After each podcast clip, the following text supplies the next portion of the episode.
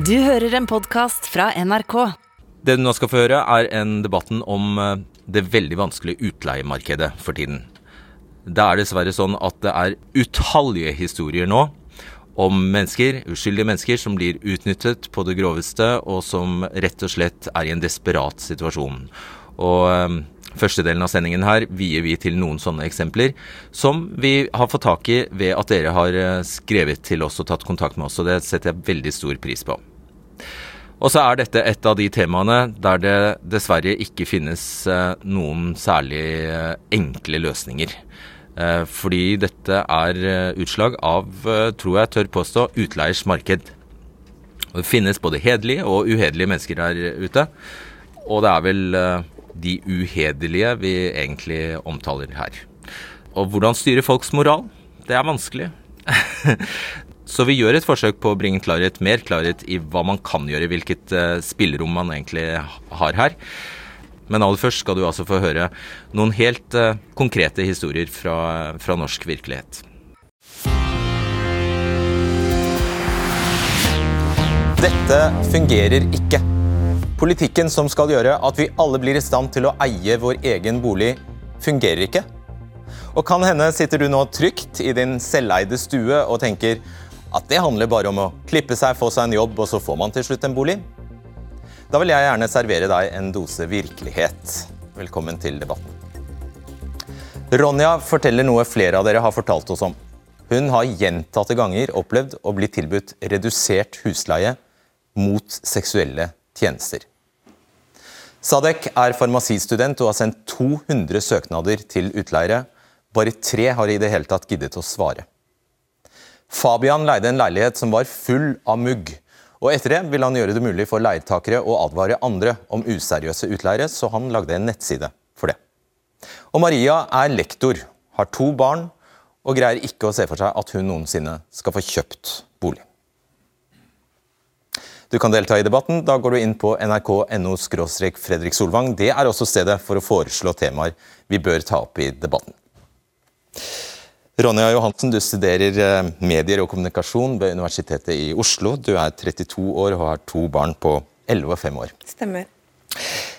Da vi bestemte oss for å ta dette temaet, så fikk vi flere historier som ligner den du nå skal fortelle oss om. Og I mm. korthet handler det altså om at du blir tilbudt rabatt i husleien mot sex. Ja, eller seksuelle tjenester. Ja, det stemmer. Hva skjedde? Nei, du kommer jo inn um, og skal se på en leilighet og tenker Ane fred og ingen fare. Og så når det blir spørsmål om pris og litt sånne ting, ymse ting som ofte skjer på slutten når man er på alenevisning, så kom det fram at, uh, at det er mulig å betale i natura, basically. Ja, vi må bare, Hvem er dette her? Er det menn? Kvinner? Jeg jeg kunne opplevd det med menn. Jeg kunne opplevd det med menn ofte på faren min sin alder. Mm. Hvor ofte har det skjedd? Fire ganger har jeg opplevd det. Fire ganger. Uh, og det er jo, som du sier, de, de, de, er jo ikke så dristige at de skriver det i annonseteksten akkurat. Så det ser ut som en helt vanlig annonse. Det er helt vanlig annonse på Finn, uh, og du tar kontakt med dem som vanlig, avtaler tid og alt mulig sånne ting. Så det, det, det, kom, det liksom boils down til det øyeblikket hvor man skal diskutere det praktiske, da. Mm. Hvor mye skulle du få i redusert husleie? Nei, det lå vel et, mellom 35 000 kroner måneden. Ja. Har du takket ja? Jeg har ikke takket ja ennå. Uh, nå er du student. Har du, uh, har du hørt andre fortelle om det samme?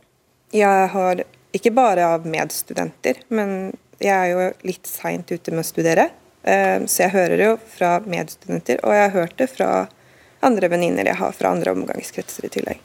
Og Hvis du ble halvveis eh, halvparten, hva, hva, skjer når, det, når sånt oppstår? Hvordan reagerer man da? Vi, vi, her, når du forteller det, blir jo sjokkert. Jeg ble nok veldig Jeg ble veldig sjokkert. Uh, ikke bare det, men jeg ble veldig redd. For jeg sto aleine i en leilighet. Uh, med en voksen mann på alderen til faren min, eh, som ville tilby meg leiligheten billigere hvis jeg tillot meg at han tok på meg. Så Hvorfor vil du fortelle dette? Jeg er redd for at det kanskje er kvinner der ute som må ty til det, fordi at de ikke har noe annet valg. Hvor de blir, hvis de blir stilt det spørsmålet, at de kanskje ikke har penger nok til å takke nei. Og utnytte Jeg vil ikke at flere kvinner skal bli utnyttet i sånn situasjon noen gang. Og ikke barna mine heller. Begge er jenter. Så Jeg vet jo som sagt, eh, bare de siste, de siste døgnet så har vi fått, uh, fått flere meldinger om det, om det, samme, så jeg vet uh, du snakker om noe som faktisk skjer. Og jeg, på vegne av alle her så er jeg veldig takknemlig for at du vil fortelle. ja. Sadek Al-Morad, du er 33 år, du studerer master i farmasi. Du kom til Norge som enslig flyktning for 6 15 år siden. Har bodd i Kristiansand, men eh, studerer nå i Oslo. Ja. Og så har jeg skjønt at du bor veldig midlertidig hos bekjente av bekjente i Drammen. Men du har altså sendt Hvor mange søknader er du har sendt? ja, rundt eh, 200. 200 pluss minus. eh, ikke, jeg har sluttet å telle etter 180 eller sånn. Ja, men jeg nok blir sånn rundt 200. Rundt 200 søknader. Hvor mange svar har du fått? Det er tre som svarte så langt. Tre svar. Og du kan se at de leser det du Ja, skriver? ja.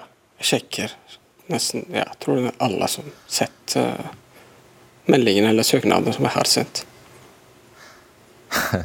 Du har, du har ingen familie her. Nei. Du har egentlig ikke noe, noe sted å gjøre av det. Da. Hva gjør du da? Jeg vet ikke. Jeg stiller samme spørsmålet, så jeg har ikke svarene, dessverre. Har du prøvd hos Studentsamskipnaden? Har du prøvd uh, Jeg har prøvd alt mulig, til og med sånn hotell. Så det er alltid på venteliste og ja. Mm.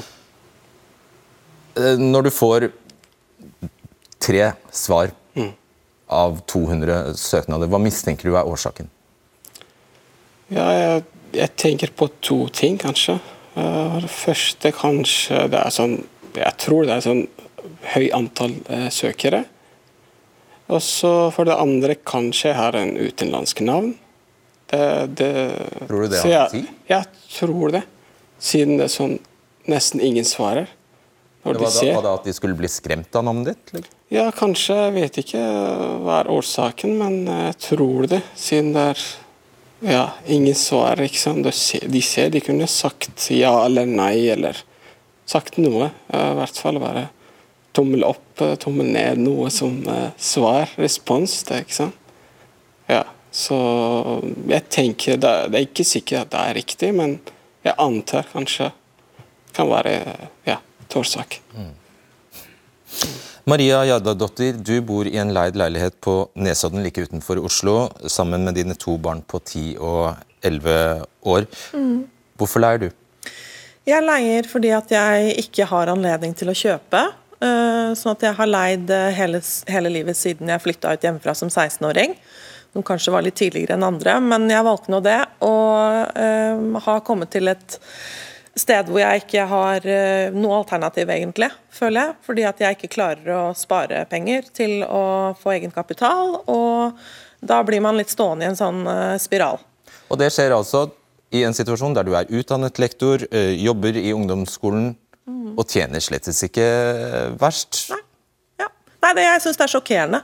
Eh, jeg som har en god lønn, liksom. Men jeg er jo én person. Eh, men det blir på en måte, ok, må man være to personer da, for å kunne eie en bolig? Det blir jo neste spørsmål. Men så tenker jeg også på hva med de som ikke tjener like mye som meg? Hva gjør de egentlig? Ikke sant? Og, eh, si litt om forutsigbarheten, eller mangel på sådan, da, når man leier. Eh, For jeg har skjønt at dere har, mått, dere har flyttet mye. Ja, det som har vært litt problematikken for oss, som har skjedd flere ganger nå også, det er at husleier kommer til et eh, punkt hvor vedkommende må selge.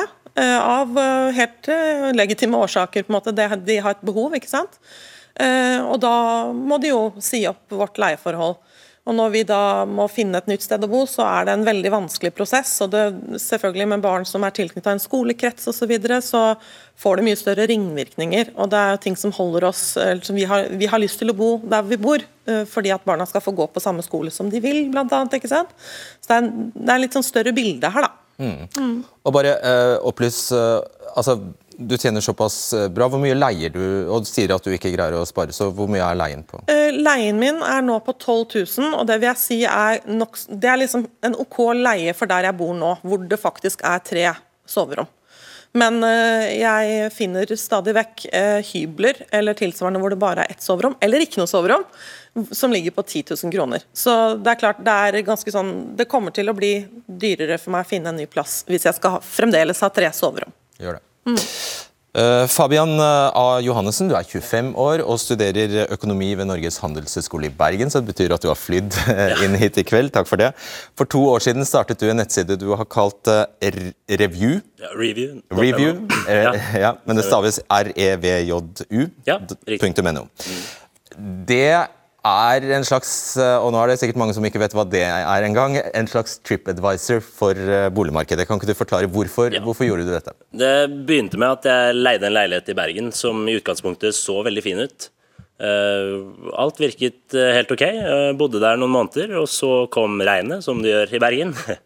Og da var leiligheten full av mugg. Det var mugg på badet, mugg på sofaen, mugg i vinduene.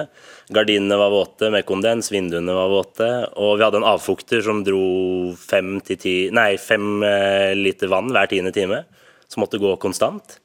Og så tenkte jeg da at dette er jo ikke første gangen det har skjedd, for denne leiligheten har vært leid ut før. Så hvis jeg hadde visst om dette og snakket med noen andre, så hadde jeg jo ikke leid den. Eller så hadde jeg bedt om redusert husleie, eller bedt dem fikse problemet. Og da lagde du en app som egentlig da en gjør nettside. En nettside ja. som gjør at uh, hva, hva skjer der? Eh, da går leietagerne leietakerne inn eh, når de har bodd en stund i en leilighet, eller når de er ferdig med å bo der. og Så finner, søker de opp adressen, velger riktig leilighet. Og så gir de poeng på 18 ulike parametere. Legger ved bilder hvis de har. og Så skriver de en tekst om leieforholdet og sier når de bodde der. Og Så akkumuleres dette da på hver enkelt leilighet. så Da vil du få til slutt en base med anmeldelser på hver leilighet i hele Norge. da. Er det snakk om uthenging? Det er ikke snakk om uthenging. Vi sier at vi vil eksponere de som er dårlige, men vi vil også fremheve det som er bra. Vi oppmuntrer alle til å gjøre leilighetene bedre, er det vi vil. Hva er det mest typiske folk rapporterer om? Uh, vi får inn 50-50, vi får inn positive og negative anmeldelser. Men på de negative så er det dette at leietakere blir lurt uh, for depositumet sitt. Uh, utleiere som kommer inn mens de står i dusjen og ligger og sover. Um, og så er det dette med at ting aldri blir fikset. Vi, hadde, vi har flere leietakere som har hatt vann renne gjennom lampene sine i 68 måneder før det blir fikset. Og det er strøm og vann, og det funker jo ikke så bra sammen ofte. Hva sier utleierne? Uh, utleierne, Noen kaller det for en barnslig side, hvor uh, studenter som ikke har bodd hjemmefra før, uh, griner. Gapestokk, kanskje? Ja, Gapestokk til og med, mens de litt mer seriøse utleierne er positive til det. For da får de en mulighet til å vise seg frem. Hva er løsningen her? Altså, Nettside kan jo bare hjelpe mm. til en viss grad. Hva ja. er løsningen på det vi snakker om? Uh, det, det perspektivet jeg kommer fra, så mener jeg det er at leiemarkedet må bli mer gjennomsiktig. Uh, problemet jeg ser, er at uh, der du får mange overraskelser. Du vet ikke hva du får, og du vet ikke hva du betaler for. Og er det ikke sånn som du trodde, så har det ingen konsekvenser. Så da må man heller vite om det før man flytter inn, så du ikke blir eh, sittende fast i en eh, sånn knipe. da, Etter å ha signert kontrakten. Ja. Ikke sant. Jeg tror jeg bare skal si tusen takk for at dere bidro til å jeg tror for mange av oss rett og slett opplyse oss om en del av virkeligheten vi ikke kjente til. Tusen eh, takk, og du Maria, du skal få bli stående. Takk skal dere ha. Og Finn Greve Isdal, du har en bygård i Bergen hvor du leier ut 38 leiligheter. En av disse leilighetene gikk såkalt viralt, dvs. Si at den gikk ble spredt overalt på sosiale medier. Dette skjønte du først eh, senere, fordi du er ikke på sosiale medier, har jeg skjønt. Men eh, denne annonsen høstet en del kritikk, tror jeg det er rimelig å si. Og det kom nok sikkert av at du skrev dette, blant annet dette. Avskallet vegg, skeiv garderobekarm og en parkett som har sett sine beste dager. Det no, uh, og, og, så skrev du ja vel, denne leiligheten trenger kjærlighet. Helt ærlig på det. Du kan male, vaske, du kan skru og fikse. Du kan gjøre den til din skrev du. Og så satte du prisen til 8500 kroner i måneden for disse 40 kvadratmeterne først, men så har du senere satt ned leien til 7000 kroner. Jeg vil bare først, eh, før du går i gang og forklarer hvorfor du gjorde dette, eh, Isdal, eh, greve Isdal, si hjertelig takk for at du er med oss i kveld. Det setter jeg veldig stor pris på for at du vil belyse dette temaet for oss. Du pynter ikke på bildene, så i motsetning til veldig mange. Hvorfor gjorde du dette? Nei, dette var en leilighet som jeg tilbake tok, etter at kriminalomsorgen hadde vært og hentet en av sine litt større fugler. Og når jeg da fikk nøklene til denne leiligheten, og kom inn i den leiligheten, og så egentlig denne leilighetens tilstand, så gikk jo det fort opp for meg at her er jo denne leiligheten nesten totalt helt ødelagt. I forhold til det den var når han overtok den, til det jeg mottar når jeg da får nøkkelen. Og sånn er av og til hverdagen for vi som driver utleie. Og så sto jeg og tenkte jeg, ah, nei, her går jeg i hvert fall hjem og spiser middag først. Og så reiste jeg ned igjen og så tenkte jeg, hva gjør jeg her? Og så tenkte jeg, etter at det har vært masse i media om at det var så vanskelig og det var ingen muligheter og ditt og datt, så tenkte jeg all right, hvis det fins noen her som vil ta tak, som vil bidra, som vil slå seg frem, så er det her én mulighet. Ja, og, så trykket jeg på send. Det gjorde du, og pågangen var formidabel, hvis jeg har skjønt rett? Ja, det, det må jeg jo da i etterkant si. For denne her historien tok jo da to store raketter fyr. Den ene var ute i sosiale medier, har jeg fått høre, hvor en 16 000-17 000 mennesker har engasjert seg på det store internettet og ment veldig mye om denne leiligheten. Men 63 stykker skrev til meg samme uke og sa takk, dette er den muligheten jeg trenger jeg kommer gjerne, jeg kan male litt. Jeg har en fetter som kan hjelpe meg med gulv. Kanskje jeg kan bytte vasken. Kan vi se på det? Kan jeg være snill for å komme og ta en vurdering? Jeg fikset varmtvannstanken. Jeg fikset ny ventilasjon på badet. Alle hvite varene fulgte med, og sofaen fulgte med, og to nøkler, nytt brannslukningsapparat og teknisk gjennomgang. Og, og, så ble jeg helt tatt på sengen. For det ringte folk overalt. Dette vil jeg inn og se på. Og, og det... da ja, Unnskyld, jeg bare, jeg bare, eh, prøver å gjøre historien litt, litt uh, kortere her. fordi det, det, du da, altså, Din motivasjon var altså å, å, hjelpe, men du oppdaget jo også noe helt symptomatisk ved dette markedet ved, da du gjorde dette. Ikke, ikke, sant? Hva forteller det deg? Det forteller meg at det er veldig mange som vil bo sentralt. Og det forteller meg at det er veldig mange som evner, som vil og som tør å gå i gang for å posisjonere seg i et knallhardt marked. Det var det første som gikk opp for meg. Wow, her er det virkelig mange som ønsker dette. Og Leiligheten var leid ut etter 12-16 timer. Kom en kar, 25 år gammel, kjørte 8 timer på Nordfjordeid og flyttet rett inn og gikk i gang. Ja. Og du kunne ha fått mer for den? har jeg skjønt? Det, det kunne jeg, helt åpenbart. Han fikk den for 7000 kroner. Ikke depositum, tre måneders oppsigelse, helt vanlig forbrukerkontrakt. Han fikk til og med etter en måned spurte jeg går det greit. Topp. Han jobber som en gal. Ha det bra. han har såkalt Altså, Ikke i leilighet, men altså, i, han har fått seg jobb i byen. og ja. ja. Og han må da ha det du, det du etterlyste, stå-på-vilje og snekkerbelte, formoder jeg. Jeg, jeg følte at jeg, jeg, jeg, kan ikke stå her og, så, og så pynte på noe som helst, for denne leiligheten var knust, den var denkt, den var herjet med. Og da har jeg ingen problemer med å si what you see is what you get. Og du har ikke hatt kvaler ved dette? Jo, litt. Litt kvaler hadde jeg. For jeg, når jeg først fikk en telefon fra en journalist som sa er du klar over at denne her har gått en seiersgang på nettet, og uken etterpå var klint over en av de største avisene her i Bergen, så tenkte jeg ja, har jeg gjort feil? Har jeg gjort rett? Hvordan var dette her? Men eh, alle de rundt melder tommel opp. Han melder tommel opp, og Husleieforeningen melder tommel opp. og ja, Tommel opp herfra også, Finn Greve Isau. Takk for at du deltok. Og det var Bea som omtalte denne saken først. Takk skal du ha. Ja, Som du nå har skjønt, eh, i kveld handler, handler det om situasjonen for de som leier, og hva som kan gjøres for å forbedre den. Så tar vi debatten om hvordan flere kan bli eiere. Den tar vi en annen gang. Og vi venter også til senere med å se spesielt på studentenes økonomi, for vi har ikke lyst til å behandle de, eh, noen av de delene helt overfladisk. Så nå dreier det seg altså om at antallet som leier har økt med nesten 100 000 her i landet på bare noen få år. Vi har fått inn eh, boligminister Sigbjørn Gjelsvik her. Forbrukerrådets direktør Inger Lise Blyverket er på plass. Det er også huseierne ved Morten Meyer. SVs nestleder Kari Elisabeth Kaski er her for å løse alle problemer. Og vi har også invitert utleiemegleren ved Tor Aasrud. Velkommen til dere alle. Sigbjørn Gjelsvik, eh, du er altså kommunal- og distriktsminister eh, egentlig fra Senterpartiet. Hva, hva, tenker du når du hører disse historiene?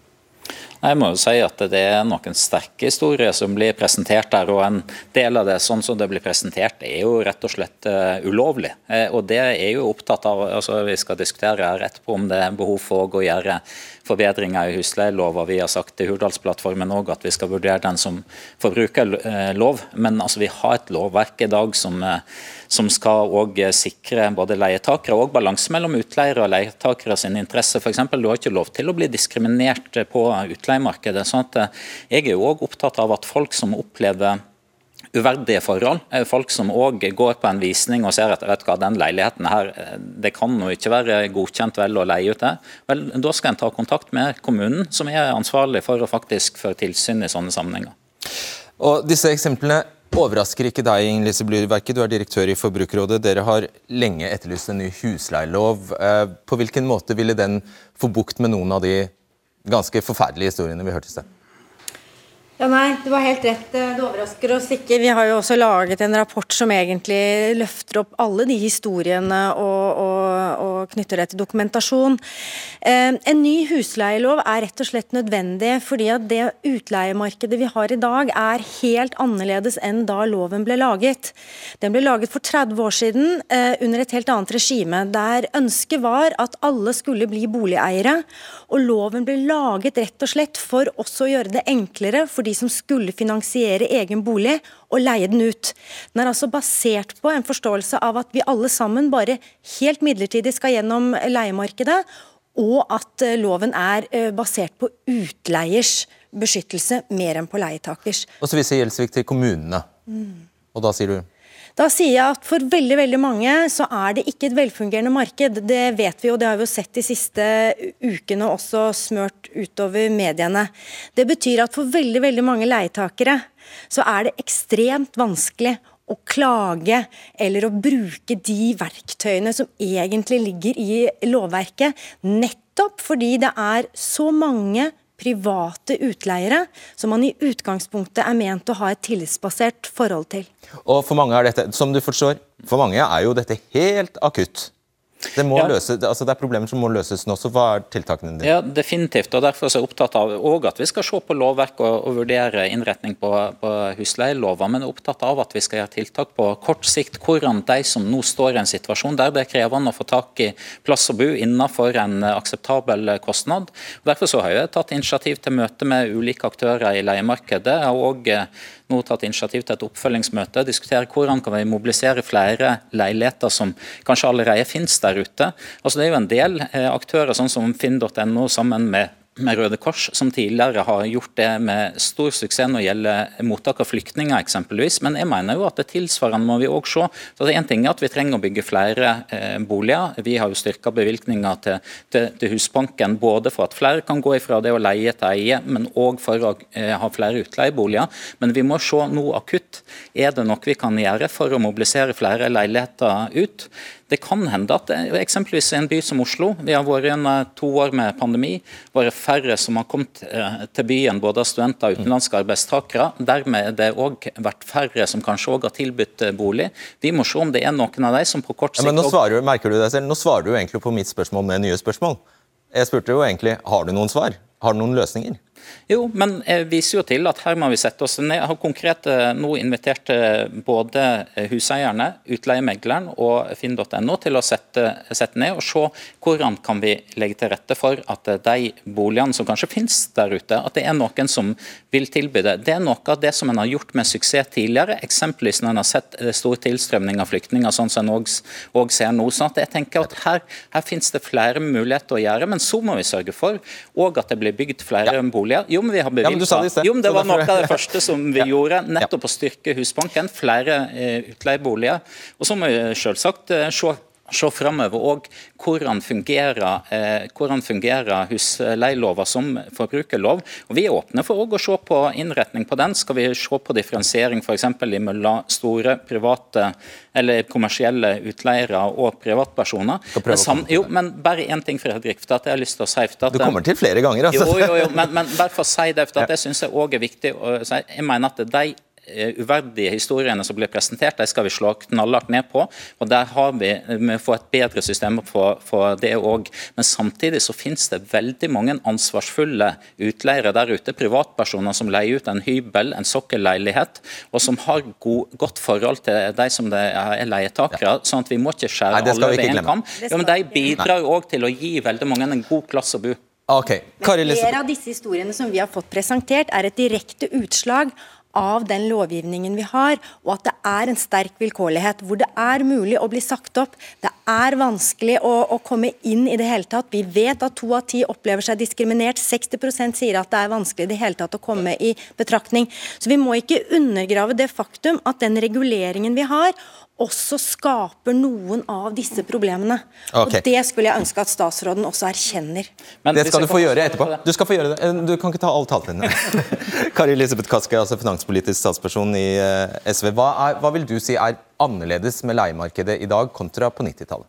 Det er eh, et dramatisk annerledes boligmarked i dag eh, sammenlignet med 90-tallet. Eh, og kanskje den aller viktigste forskjellen tenker jeg, det er at flere leier bolig, og folk leier bolig over lengre tid.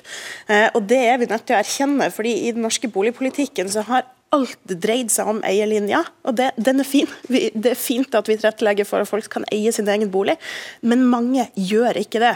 Enten fordi de ikke ønsker det, eller fordi de ikke kommer seg inn i et boligmarked som er stadig mer ute av kontroll. Og Derfor så er det litt sånn en varsla katastrofe som vi står oppe i nå. Eh, For vi har sett den utviklinga over tid. Eh, Og jeg savner egentlig eh, vyer fra denne regjeringa om en totalrenovering av boligpolitikken. Men hva står øverst både på kan SVs tiltaksliste for å få, få has på det vi hørte om? ja, For leiemarkedet så, eh, så imøteser jeg gjerne enhver tiltak som kommer fra regjeringa som kan virke på veldig akutt sikt. Men jeg tror det er viktig å erkjenne at noen av de viktigste grepene kommer til å ta tid. Et eksempel på det det er en ny husleielov, og at man setter ned et nytt lovutvalg som kan jobbe skikkelig med å få på plass eh, både en analyse av dagens leiemarked, men også å se på hvordan man kan få bedre rettigheter som leietakere, som sikrer stabilitet og trygghet. For det er en asymmetri i maktforholdet mellom utleier og leietaker, som de eksemplene vi hørte i dag illustrerer, men som også gjelder det sjøl hvis det ikke er så grove eksempler. Nettopp. Og det er bare Uh Denne nye husleieloven, Morten Ameier, du er generalsekretær i Huseierne, skal altså, hvis jeg har skjønt det rett, mer innrettes som en klassisk forbrukerlov, altså tydeligere gi forbruker, altså leietakerne rettigheter. Dere eh, har funnet på å være imot det? Stemmer det? Nei, vi er ikke imot å se på justeringer i husleieloven. Men vi tror det er viktig å nyansere bildet. De historiene vi har blitt fortalt her i dag, de er det ingen som vil ha. Og som statsråden sier, det er lovbrudd. Eh, Det løser du ikke ved å justere husleieloven. Så er det eh, så er det det, det stemmer at dere ikke vil ha noen ny jeg, lov? jeg, skal komme tilbake til, jeg skal komme tilbake til det, Solvang. Så er det viktig å være klar over to tredjedeler av utleiemarkedet består av private utleiere, helt vanlige familier og husholdninger som stiller husrom til disposisjon. Forbrukerrådets egen undersøkelse fra i fjor viser at 80% av de som leier av en privat utleier, er veldig fornøyd med det utleieforholdet, og det er det viktig å ha med seg. Og så gjør både Blyverket og Kaski, eh, mener jeg, en feil i premisset for å forlange en ny lov. For Hvis dere leser forarbeidet til dagens husleielov, så beskriver de et boligmarked som er tilnærmelsesvis en beskrivelse av hvordan boligmarkedet ser ut i dag. Det var nesten 400 000 leietakere da husleieloven ble til på slutten av 90-tallet. Og det var i overkant av 20% av husholdningene som leide bolig. Temmelig nøyaktig det samme i dag. Så husleieloven ble både av de ekspertene som la grunnlaget, og politikerne som bestemte det, laget nettopp for også å ivareta interessene til de leietakerne som kommer til å være leietakere i store deler av livet sitt. Så gjør det enkelt for oss. Dere er imot en ny lov. Vi, ja vi mener det er helt unødvendig å gå rundt et stort lovarbeid, men vi skal gjøre noen justeringer i loven som tar vare på, eller som imøtekommer noen av de ja. tingene som er kommet opp her. Det er vi mer enn villige til å være med å diskutere. Det vil være bra både for utleierne og for leietakerne. Så bare hjelp oss, Blyverket. Hva skal stå i den loven? De fleste vet eh, kanskje ikke at det finnes en lov allerede. Nei, det er greit. Og, og, og, og, det er klart at jeg skal ikke stå her og diktere den nei, nei. loven. Det er derfor vi ønsker et lovutvalg. Men det er ikke riktig som det her sies, at de historiene som denne sendingen startet med, lar seg løse med dagens lov, at de alle er lovbrudd. Den vilkårligheten som handler om at man i stor grad leier hos folk som kan trekke leiligheten tilbake, som trenger den til andre forhold, eller finner ut eller bruker det som en årsak til å trekke den tilbake, det gjør at det blir en sterk usikkerhet. Vår undersøkelse viser at folk mangler retten til privatliv. De mangler stabiliteten fordi de kan måtte konkurrere om sin egen leilighet etter tre år eksempelvis. Og de har ikke frihet verken til å sette sitt eget preg på den leiligheten, eller til faktisk å flytte når de ønsker det, eller forholdene rundt dem krever det.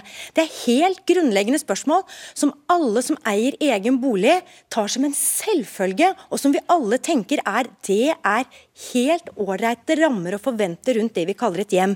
Én million har ikke de rammene. Én million har ikke de rammene, og jeg kan ikke forstå hvorfor ikke vi kan ta den jobben med nettopp å, å gå inn og gjøre en grundig gjennomgang av lovverket. Jeg er jo den som kanskje burde ropt etter quick fix. Jeg, jeg sier det, det dette er så avgjørende at vi får på plass en bedre balanse, at vi er villige til å ta det. Det vil jo være mye smartere å gjøre noen ting nå som faktisk hjelper, istedenfor å sette i gang et stort lovarbeid som sannsynligvis vil ende ut i en lov som ser ganske lit ut som dagens. Så jeg er egentlig litt overrasket at dere som er så opptatt av å forbedre vilkårene for leietakerne, ikke går inn i de tingene som kan løses umiddelbart, og som faktisk bare kan være justeringer i loven som okay. skaper en tryggere leiehverdag for leietakerne.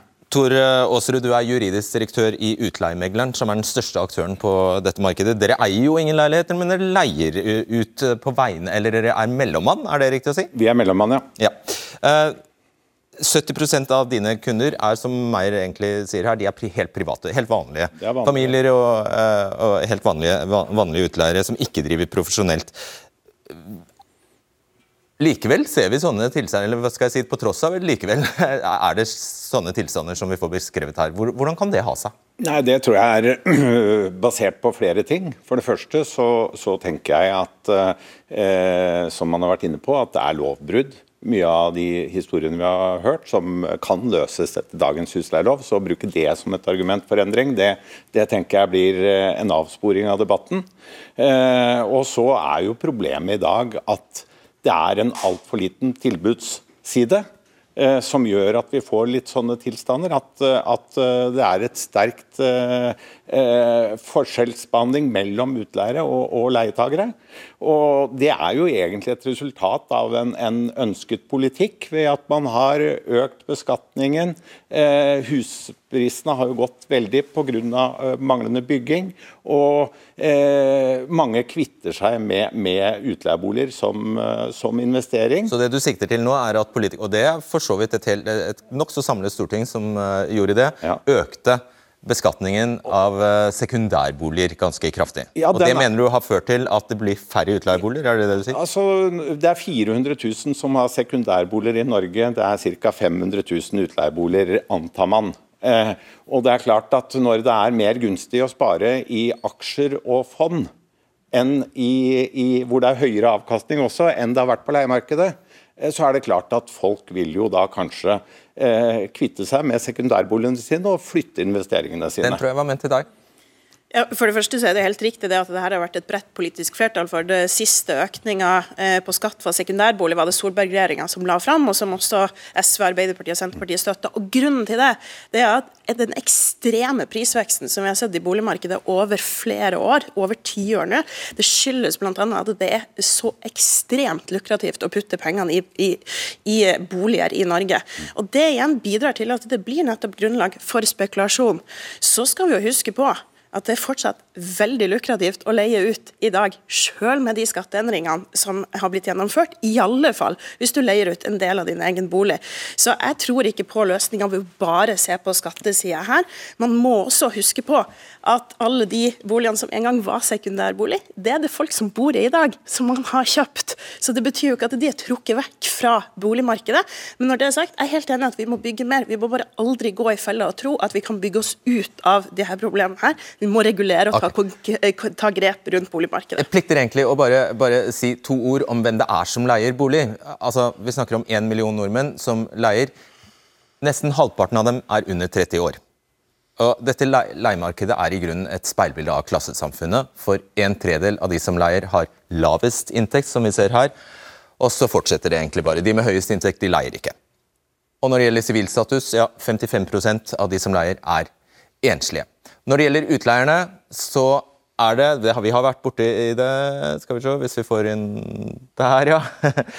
40% er det eh, Dette er eh, tall fra Leieboerforeningen. 40% eh, er såkalt småskala utleiere. Så Det er de som leier ut sokkelleilighet. Og så er det familie og venner 15% storskala 20 kommun, kommunal 15 og studieboliger, studentboliger 10, 10 Så vet vi det. Og så kan vi snakke litt om pris. fordi disse lovbruddene de snakker om her, her de, de, gjelder jo ikke deg. Du er ikke utsatt for noen lovbrudd, du er egentlig bare utsatt for et marked. Uh, ja, hvordan vil du, hva tenker du på spisse? Kan du spisse det litt? Ja, det skal jeg prøve. Altså, du, du, du forteller at du betaler 12 000 kroner eh, ja, det nå. Dette øker og øker ja, og øker, ja. så snart, uh, snart, klarer du ikke å holde tritt. Nei, det er jo tilfellet. Det er tilfellet. Jeg blir danka ut, eller jeg må bo på hybel med to barn. Så hva gjør jeg, liksom? Ja, Hva gjør hun?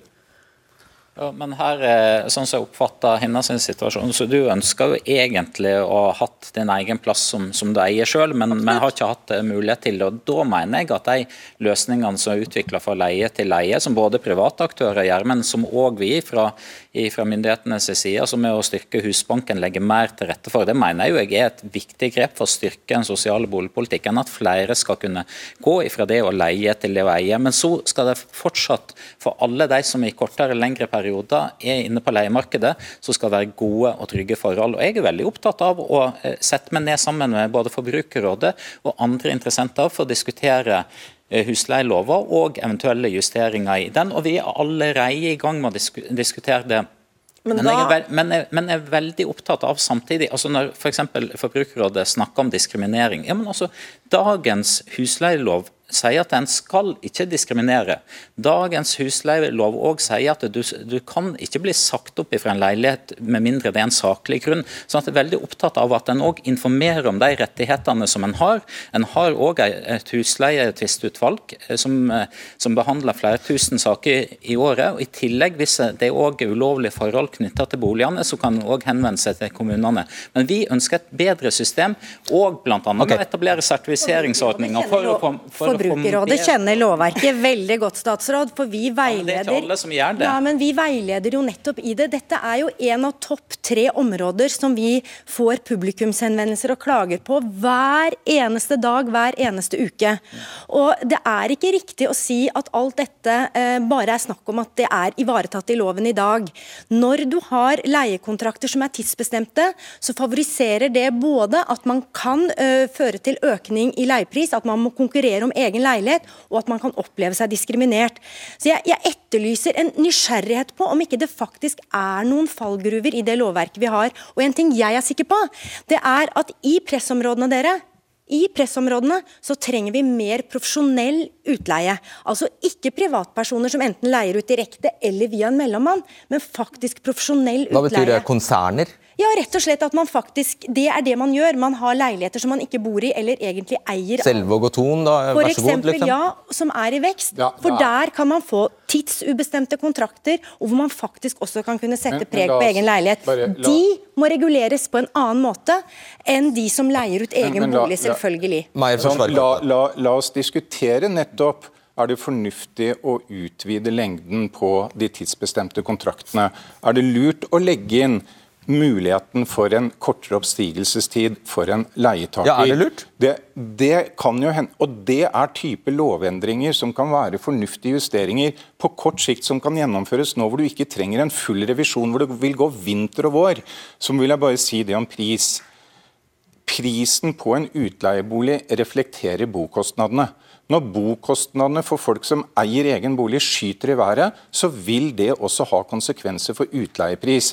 Det er jo ikke sånn at de familiene, de husholdningene som leier ut boliger i boligmarkedet, er noen profittjagende kjeltringer. Men de tar godt vare på leietakerne sine. De låser seg ikke inn i leilighetene. De gir leietakerne okay. sin, sine et privatliv. Så jeg syns det er litt rart at ikke anerkjennelsen av det Forbrukerrådet faktisk selv har funnet ut om det private eh, utleiemarkedet, tas hensyn til når dere ser inn i framtida. Med, respekt å melde så er det jo også sånn at det er ekstremt lukrativt å eie sin egen bolig og leie ut. I praksis så er det dere som er på leiemarkedet som subsidierer oss som eier.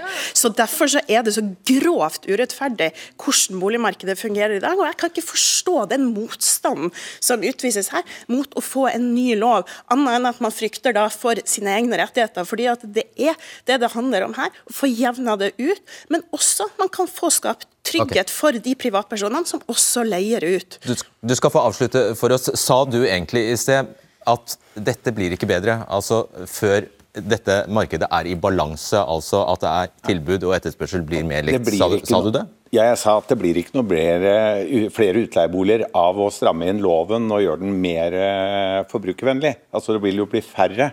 Eh, og jeg er veldig opptatt av at den norske boligmodellen, hvor folk er avhengig av å eie sin egen bolig, at skal den fungere, så må du ha et velfungerende leiemarked i kriser, ved skilsmisser, ved midlertidig fravær og alt mulig.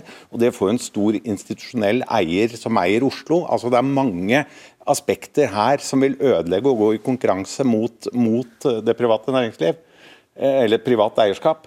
Så, så, eh, jeg tror det er lite gjennomtenkt, den, eh, den tanken som går fram. Vi må ha en sammensatt eiermarked med både profesjonelle og eh, private, men vi må heve kompetansen for de private utleierne. Ok, så har vi notert oss at det er flere møter på gang, og så et noen arbeid med en, en, mulig ny lov, i hvert fall. Uh, jeg bare ønsker lykke til til alle dere som er i en vanskelig situasjon på boligmarkedet. Takk for at du ser debatten. og ja, bare gjenta at denne sendingen, akkurat denne sendingen hadde ikke blitt til om dere ikke tok kontakt og bidro. Så tusen takk for det, og fortsett med det. Takk for nå.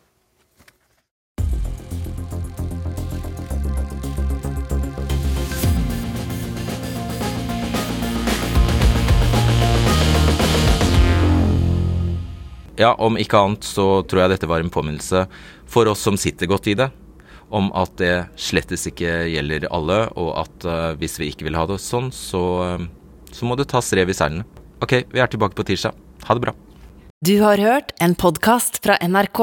De nyeste episodene hører du først i appen NRK Radio.